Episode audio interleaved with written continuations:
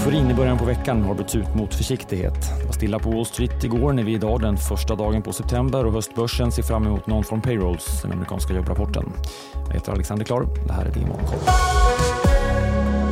Ja, det är en spänd förväntan på månadsstatistiken över hur mycket den amerikanska ekonomin växt. De senaste två mätningarna har visat på svagare utveckling än vad analytikerna trott. Samtidigt är fortsatt arbetslösheten i USA på en väldigt låg nivå.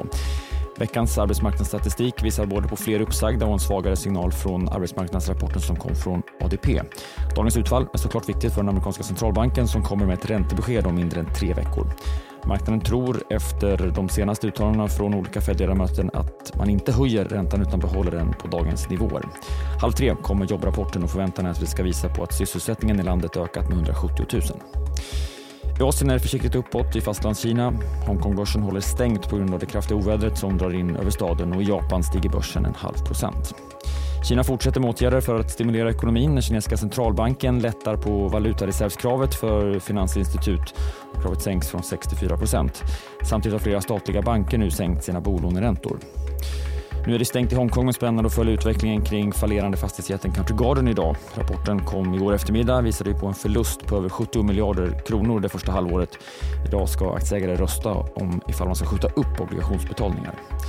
Vi har också fått ytterligare PMI från Kina. Det kommer ju alltid två. Igår var det fallande PMI för tjänstesektorn igen medan industrin steg men hamnade precis under 50-strecket. Morgonens siffra visar på lite tillväxt för industrin. Industripyramid mätt av Caixin steg till 51. Senare idag också svensk PMI. SIF Swedbanks mätning för augusti väntas backa från knappt 48 till strax under 46 och det handlar om industri. Även från USA kommer PMI i eftermiddag. ISMs mätning väntas visa på sjunkande aktivitet inom industrin och index väntas komma in kring 47. Wall Street tappade den inledande uppgången igår och stängde nästan oförändrad. S&P 500 var svagt ner vid stängning, Nasdaq svagt upp. Dottertillverkaren Dell rusade efter stängning på sin rapport medan chiptillverkaren Broadcom backade i efterhanden. Sverigekopplade biltillverkaren Polestar tappade rejält under dagen på sin rapport. Lyfte gjorde däremot cannabisaktier efter att det amerikanska hälso och socialdepartementet valt att omklassificera marijuana som ett lågriskläkemedel.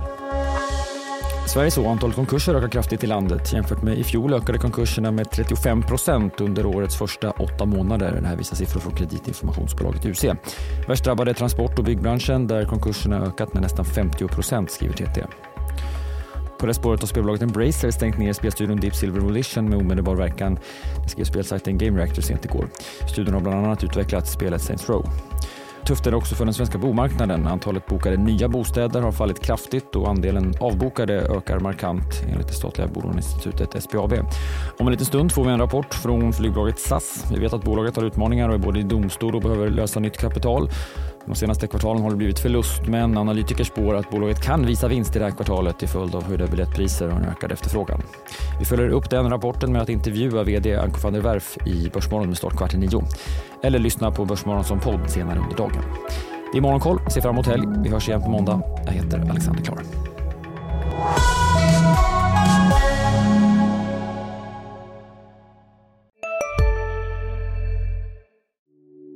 Hej, Ulf Kristersson här.